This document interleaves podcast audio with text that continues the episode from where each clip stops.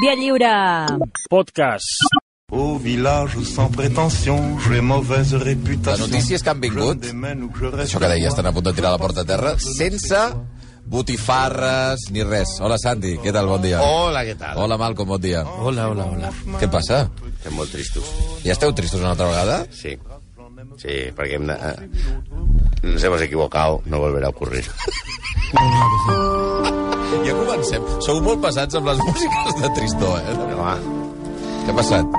Vam, tu, no, no, tu encara no saps el que va passar la sí, setmana sí, passada. sí que ho sé, però no volia... Bueno, no volia ficar el dit a la nafra. Vam fer un GS. Eh, un? No, un GS, no direm mal. GS? Sí, no direm a què corresponen les, les criances inicials. Vam repetir l'execrable. Som genials. Jo ja, quan vau començar la setmana, la setmana No, passada... ara diràs que tu sabies. No, No. va, no, perquè no me'n recordava, però va- vam començar a rebre No missatges. Jo el que... El, no, jo els que escol, no us escolteu vosaltres mateixos. No, no, no el ens escoltem problema. nosaltres, però hi ha gent que ens escolta. És que això és el que més... A mi el que més em sembla increïble és que automàtica... Però, eh, com un resorte, eh? Jo m'ho vaig mirar i vaig dir, no, no, segur que no. A, a la que vau començar a fer l'execrable la setmana passada va saltar un oient, dos, tres, quatre, crec que eren. Eh, que aquest ja l'heu fet! La Del veritat, 2017. la veritat, tu no et vas adonar, tu no et vas adonar. 2017, clar, que fa molt. Però- Hem fet més de 200, però tu, Xavi, tu, Xavi, Però és- no et vas adonar, perquè No, estaves no. mirant el mòbil, Que la veritat, que estaves no mirant allà Lo. Serrano, No, o, Serrano? o, potser el menú, el menú de Can Roca, jo què sé, tu estaves fent allà. Però Som més gran de tot és que no només van passar tots els filtres de- del- d'aquí quan vam guiar el guió i tot això i que ningú es va donar compte, és que no el vam reciclar. No, El va- no, no, no, el vam, el vam, vam tornar a fer-lo des de zero. I no ens sonava res. O sigui, s'ha de ser... O sigui, com a gilipolles, vam tornar... O sigui, treballant al doble. O sigui, ja, el que haguéssiu pogut fer, que és una cosa Va quedar molt millor, eh? Que l'anterior, Sí, ho vau perquè aquest el vaig fer jo i l'altre havia fet ahir. O sigui, o sigui, l'anterior el va fer el Malcolm i aquesta vegada el Santi. Clar, potser d'aquí ve la cosa, que la gent no ho sap, però, però us dividiu la feina. Sí. Cada setmana fa un, l'altre, tot això per no haver d'estar treballant a quatre mans perquè en realitat no ho suporteu un a l'altre. Clar, i, i jo m'he quedat el nom de tots els que van... de, de tots els oients que van enviar per Twitter. Això està fet... M'he quedat con tu cara.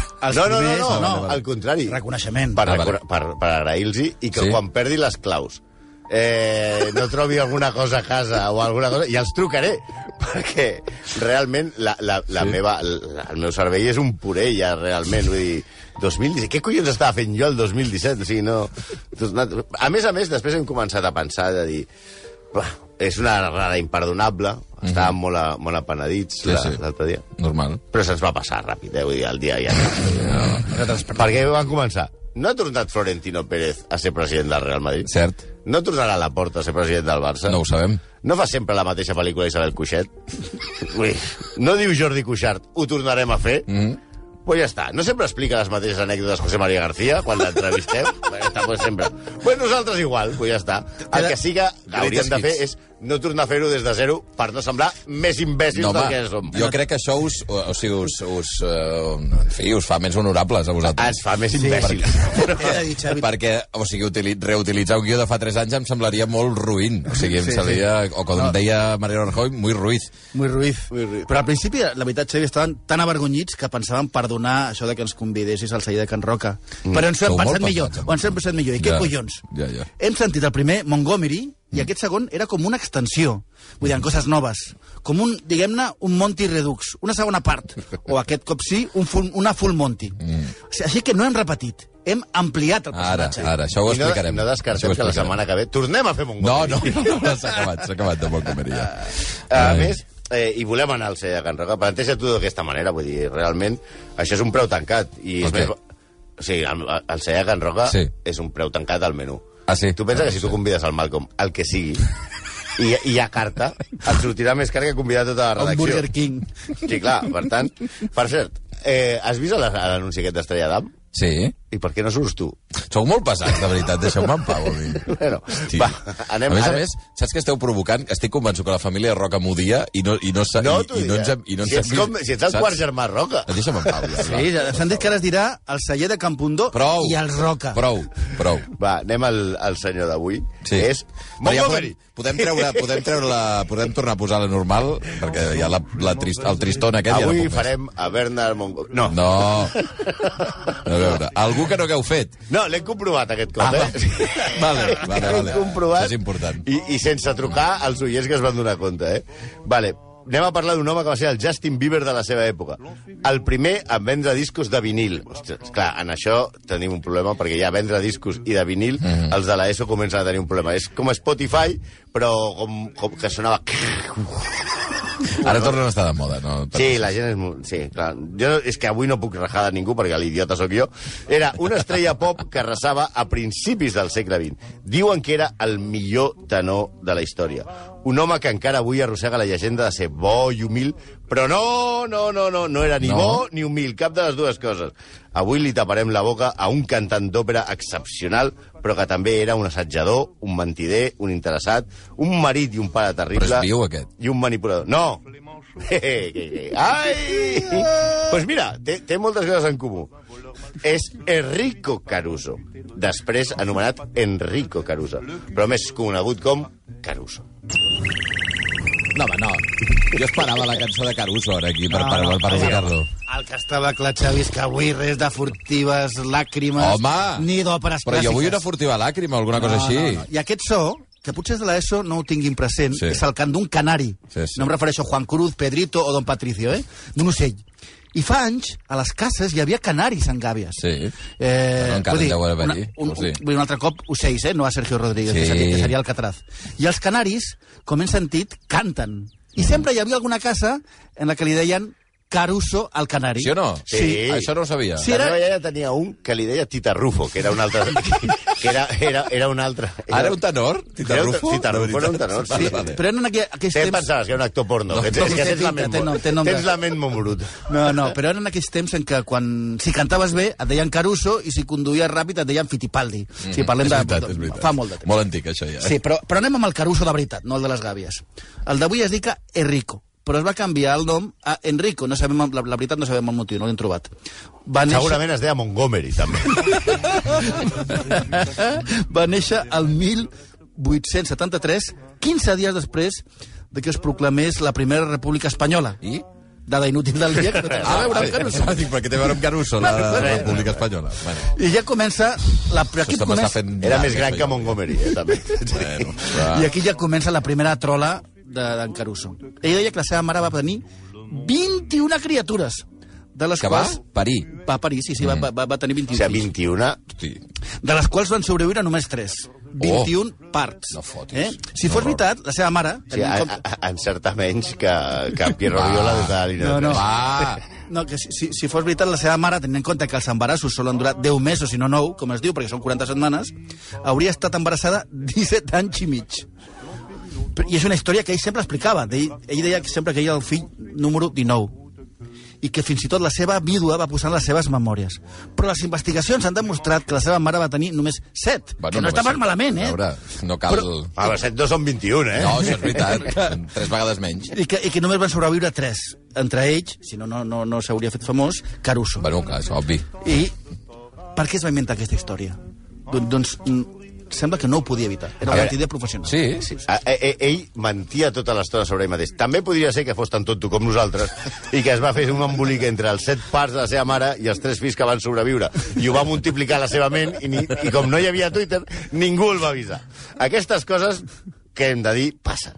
El que sí és cert és que venia d'una família molt pobra, com la de Marco a, a, en un puerto italiano. Sí. Als 11 anys es va posar a treballar, perquè els nens abans treballaven, en una foneria. Però la seva mare va insistir en que tingués una miqueta d'educació i va aprendre a dibuixar. Dibuix tècnic va fer i va tenir una, i tenia una bona cal·ligrafia a mà, que era una cosa molt important de l'època, cosa que s'ha perdut ara, i que li va ensenyar el capellà del poble. No sabem si només li va ensenyar cal·ligrafia o com Va, va. També va començar a cantar al cor i va començar també a destacar per la seva veu, tenia una gran veu, animat per la seva mare, que va morir quan ell tenia 15 anys, Joder. va apostar per la música i cantava, pues, es guanyava la vida cantant al carrer, a, a, a, en restaurants, això. Era com el Maradona de les Rambles, no? Anava per allà. I també, als 18 anys, veient que tenia una gran veu, comença a aprendre lliçons de Ah, cant. fins als 18, res. Res. És a dir, sí, papers, comença com papers secundaris en teatres per Itàlia i comença a tenir cert èxit en teatres grans, ja com l'Escala, pels de l'ESO, no, no, allà no tenen bones anxoves, l'Escala de Milà. Noi, Llavors, La gent de l'ESO ja ho sap que és. Sí, sí, sí, bueno, I només la pensant en GB l'escala es de pensa Milà. que l'escala era una sala de festes que hi havia al passeig de Sant Joan de Barcelona. Una cosa que es posés baixa. Va. No. Llavors, aconsegueix un paper protagonista i en 1901 cantant el seu Nàpols natal al Teatre de Sant Carlo, com a cantant principal. Canta el seu famós Elixir d'amor, la seva furtiva làcrima, però el xiulen, així, així eh, panyolada en l'estadi, saps? Sí. I, I ell promet, i ho compleix, que mai tornarà a cantar a Nàpols. De fet, a Nàpols, eh, Caruso se'l miren així, sí, Sofia Loren, Totó, eh, Maradona, i a Caruso el tenen... En tenen... Hi ha una relació distant. Ah, distant. Sí, sí. Cal dir, cal dir que li va passar el mateix a Budapest i a Barcelona. No fotis, també. A Barcelona el que va tenir és una, una rebuda freda, bueno, com, com la del Camp Nou, no? I eh, això que quan va venir aquí a Barcelona eh, ja havia fet història com el primer cantant que gravava un vinil i del que va acabar venent un milió de còpies. Sí, impressionant en aquella època, un milió de coses. Però la conclusió i ara- és Bueno, que... i ara, tam i ara també. Sí, bueno, ara seria increïble, bueno, però dir que el primer Sí, sí. Ho, ho està patant a tot arreu, però on més, on ella es va fer realment famós era a Nova York. Allà triomfava en el Metropolitan. Clar. Els que els pijos diuen el Met. Ai, sí. Sí, que és allò... El Met. He anat al Met, he anat al Met. Eh, és cagau. El Met a veure el Caro. El Met, he anat al Met, Met, eh, espera. Passaria un oient que li diuen Caruso als amics, que no sap ben bé per què. Ah. El, el Carles ha enviat... i- També hi ha un jugador dels Lakers pudor? que es diu Caruso. Fa- també. potser fa pudor i canta. Caruso. Que fa... bueno. El Metropolitan és el primer tenor, és, és primer tenor del teatre, Sí. durant, atenció, que això no ho aconseguim, 17 temporades Uah, consecutives. Déu-n'hi-do. O sigui, el noi que guanyava unes lires al carrer cantant als restaurants va arribar a guanyar 15.000 dòlars per actuació a, a principis del segle XX. A més, va aconseguir lliurar-se del seu mentor i representant, tenia un Mino Raiola. Sempre hi ha un, sempre hi ha un Mino Raiola Sí. allà al costat, Sempre. eh, que, amb el qual li havia signat un contracte, eh, que era un timo, per, que l'havia enganyat, amb el qual el que cantava era Caruso, però el que es quedava amb el 25% de tot el que guanyava Oh. era el representant, que no es deia Mino Raiola, es deia Messiani. Messiani? Messiani. Messiani. Sí. Aquí hi ha una altra de les històries falses que circulen sobre Caruso i que ell mateix va, va, va, va fer Desmentir. córrer. Ah, fa- va fer va fer córrer. Si no, totes les mentides les va fer córrer ell. Val. Es diu que a Nova York li van oferir 5.000 dòlars per actuació al principi i que ell va dir que només volia cobrar 2.500 perquè la resta de companys Sí, home. estiguessin ben pagats. ja veurem que aquesta no és la primera història Això ho, preciosa ho feia córrer ell, eh? Sí, sí, Ja, ja. però que era mentida, per semblar generós. Però és que ja veurem que realment aquest tio era, era, era un galtes i, a més a més, s'inventava sempre les coses per quedar molt bé. Sí, però abans cal passar per les dones, Ui. que va tenir moltes. Ja estan actuant a Salern, intentava lligar-se a una ballarina que era l'amant del director. Ui, quin lío. El director, per treure'l de sobre, li aconsegueix un paper a un teatre de Livorno. I allà s'enamora de la jove soprano Ada Giacchetti, que li ensenya bones maneres a l'escenari i una mica de classe, i després de molt insistir, s'enamoren, ella deixa el marit i tenen dos fills. Aquesta història d'amor té a veure amb, amb això de ser garrepa, perquè la separació, la separació, després de moltes infidelitats, Caruso fins i tot es va liar la germana d'ella, bueno, ella es va acabar escapant amb el xòfer, bueno, va ser tot una, un escàndol, ella va intentar, eh, eh, ell la va intentar recuperar, però no va aconseguir, i va decidir que només no li anava a passar cap pensió, sinó que aconseguiria que ella tornés cada regal, cada joia, i els diners que, que, que, ell estimava que s'havia gastat en ella durant els anys Què dius? ella va morir en la mà més absoluta pobresa, i això és el, el generós. Cal tenir en compte, perquè ens fem una idea del, del, de com era aquest tio, que només eh, RCA Víctor li va pagar dos milions de dòlars de l'època. O sigui, no va parar fins a arruïnar... La va arruïnar, o sigui, vull dir, l'última, aquest DNI que et vaig regalar, va, vam anar de vacances i jo em vaig gastar El, el 50.000. DNI que et vaig regalar? DNI. Aquest anell, anell. Anell, entes Sí, aquest DNI. Dios Devuélveme, devuélveme las llaves de la moto Ay, y sí, quédate con todo lo lo demás. Pero no se vean todavía, aún hay más. Es va casar també amb una rica socialité novaiorquesa, d'aquestes que anava al Met, Sí. anomenada Dorothy Park Benjamin, que tenia 25 anys, i van tenir una filla. Van estar casats uns 3 anys. Però ella va, eh, aleshores ell va escriure totes les biografies bàsicament per demostrar que ella era l'amor de la seva vida. Mm -hmm. Tres anys de casats, tampoc, bueno, no sé.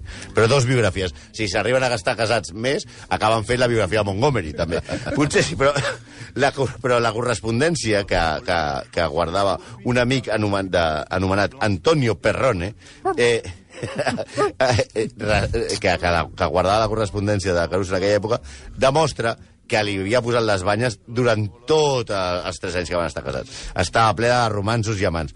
Un dels més sonats eh, lius que va tenir va ser amb una argentina que es deia Vina Velázquez. El to de les cartes era aquest. Mil besos muy fuertes en tu boca dorada de la pequeña Vina, que pone sus labios voluptuosamente por todas partes. Clar, això per l'època era el Pornhub, eh? Nobody pray for me. It's been a day for me.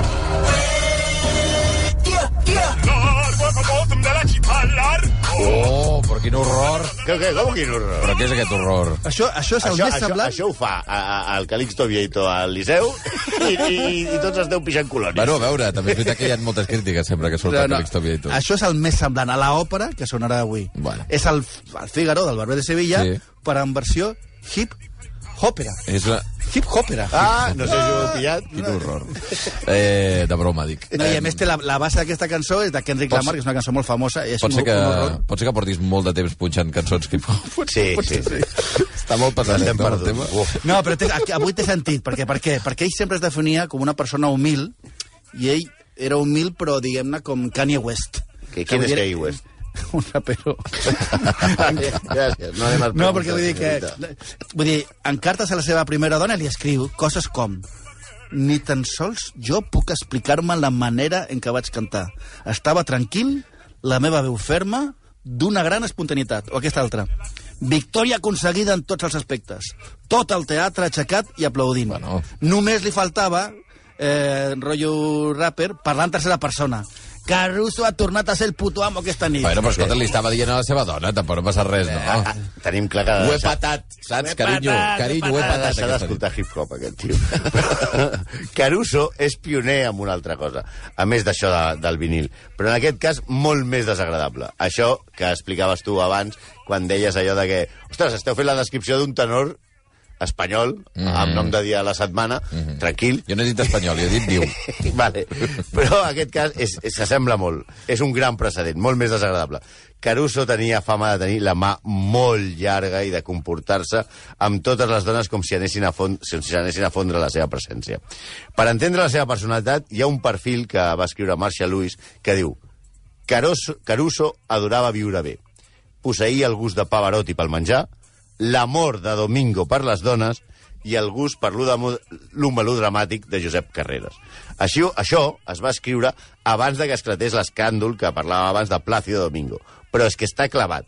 A Caruso el va acusar una dona, que es deia Hannah Graham, de tocar-li ofensivament el cul i agarrar amb força Agarrar, una natja, enganxar, o sigui, enganxar, engrapar, engrapar-la, engrapar. engrapar. Altres versions que es van blanquejar van dir que només li va fer un pessic, que tot, en qualsevol cas, Bueno, és, és, El només, o sigui... dues vegades. Sí, sí. No Però és cal que, pessigar el cul de ningú, Atenció en el context en el que passa la magrejada. La dona estava amb el seu fill al costat del nen petit, Sí. veient la gàbia dels micos del zoo de Central Park. Però què dius? Sí, i ell va passar per allà i, I li, i, la va, i, la va, i li va endrapar el club. El cul. El club. El club. El club. També, És que també estic, passa. S'està engrapant el club d'una mala manera, eh? la primera vegada la senyora li va dir, escolti, crec que m'està tocant el cul. És una rèplica terrorífica, perquè, clar, perdoni, que m'està tocant el cul? No, I ell va seguir tocant el Ah, cul. ja, ja. I la segona vegada ja li va, el va començar a cridar i va haver un escàndol. Va venir la policia i el van detenir. Això que ho fes davant de la gàbia dels micos, menys mal, perquè només li va faltar pelar-se-la i tirar caca al vidre. Va, home, no, para, va para, para. Aleshores... Para, home, para, que desagradable, per favor. Oh, no, no, no vas anar tu de Sí, ho vaig veure. I què veies? Sí, el que, el que has descrit. Ell, ell ho va vendre com un muntatge i com a racisme. Va acabar això amb la seva carrera, us preguntareu. Li van preguntar al director... Pues no. Li van preguntar al director de l'òpera si no temia que hi hagués un boicot perquè era un assetjador. I aleshores el director va contestar aquella merda que es contesta normalment i que va dir és la veu i no l'home el que m'interessa. Un mes després, al Metropolitan li van fer, abans de començar una actuació, una llarguíssima ovació. Tuo fa l'americano, americano. O sigui que encara el van homenatjar, no? Perquè Plácido com el, el, ret, el retorn a l'escenari després d'haver estat detingut per Davant de la gàbia dels micos fent el goril·la. I ole, bravo, Bravo. Enrico, bravo. Sí. Sí, sí. extraordinari. Puja, puja.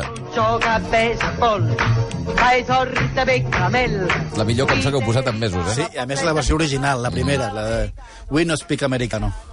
Americano, A més de Nàpols. ma si nati in Italia. Va, què? Bueno, sí, un altre dels moments més cèlebres és quan la màfia italiana També, eh? Sí, de la mà... No, no era, ell no era de la màfia, Ah. però de la, la mà negra, que es deia, a Nova Sí. York, li va demanar 3.000 dòlars per deixar-la actuar a Nova York. Ah, I després, el, sembla que es va pagar, i després li va demanar 15.000.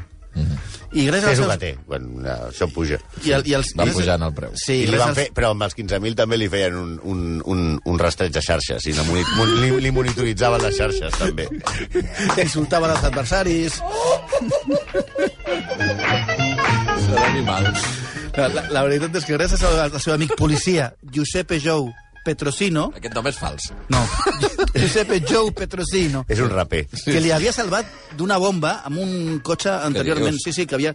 No, no, era un atemptat que no era per Caruso, però va dir, aquest, no t'apropes a aquest cotxe, que hi ha una bomba, i el va salvar. Que les bombes abans eren molt més grans. També es No, veia... Sí, clar, La va veure. Va veure, marca Acme, a sobre del capó.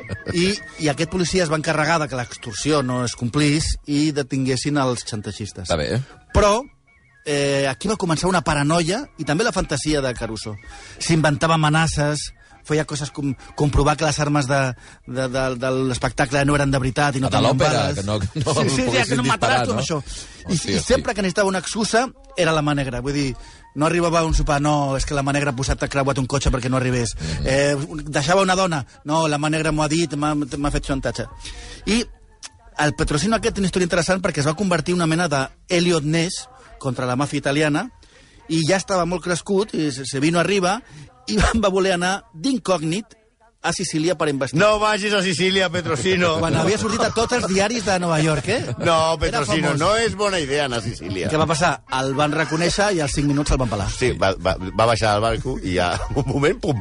Petrosino. Perquè ell s'havia fotut contra la màfia de Nova York I ara es diu, saps què? Vaig Pues- de vacances a Sicília. Pues ja està. Sí, Pues que, on millor? Com han dit que hi ha molt bon vi, bon oli i tal. No hi va pensar, no hi va caure. No en va caure. No. Gran policia.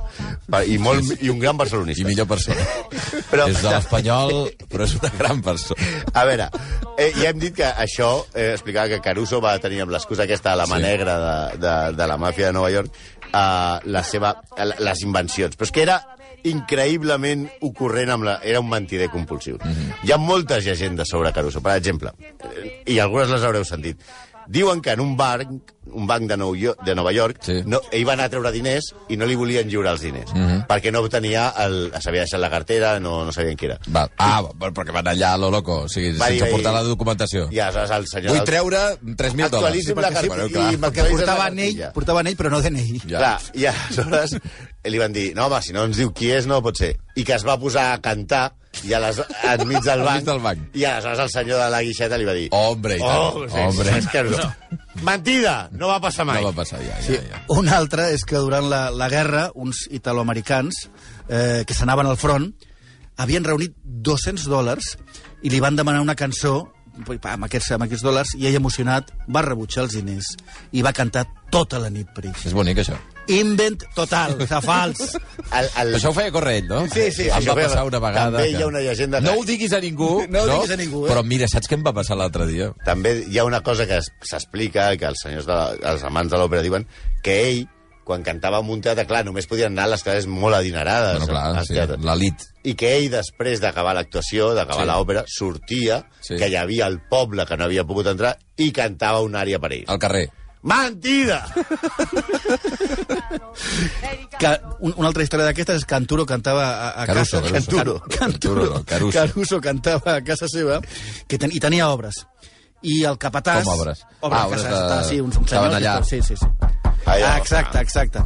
I el, el, va- li va reclamar al capatàs què passa amb aquestes obres, no s'acaben mai, i el capatàs li va dir, és que clar, els, els meus homes, com que vostè canta, es, es queden paralitzats en la bellesa de la seva veu, i això, òbviament, és una altra mentida d'Enrico. El capatàs no li va dir res. ¿Y usted què quiere? És allò, és allò, quan tu vas al capatàs i li dius, escolti, vostè em va dir que el plat de dutxa estaria, Exacte. eren dos La dies. setmana passada. I portem tres mesos aquí. I allò, home, però usted sabe, però que usted, normalment et diuen, ¿quién le hizo esto? Que, se- que- Bundo, ¿no ve que esto es un desastre que lo tenemos que hacer? Traiga más agua plus y esto le va a salir más caro, eh?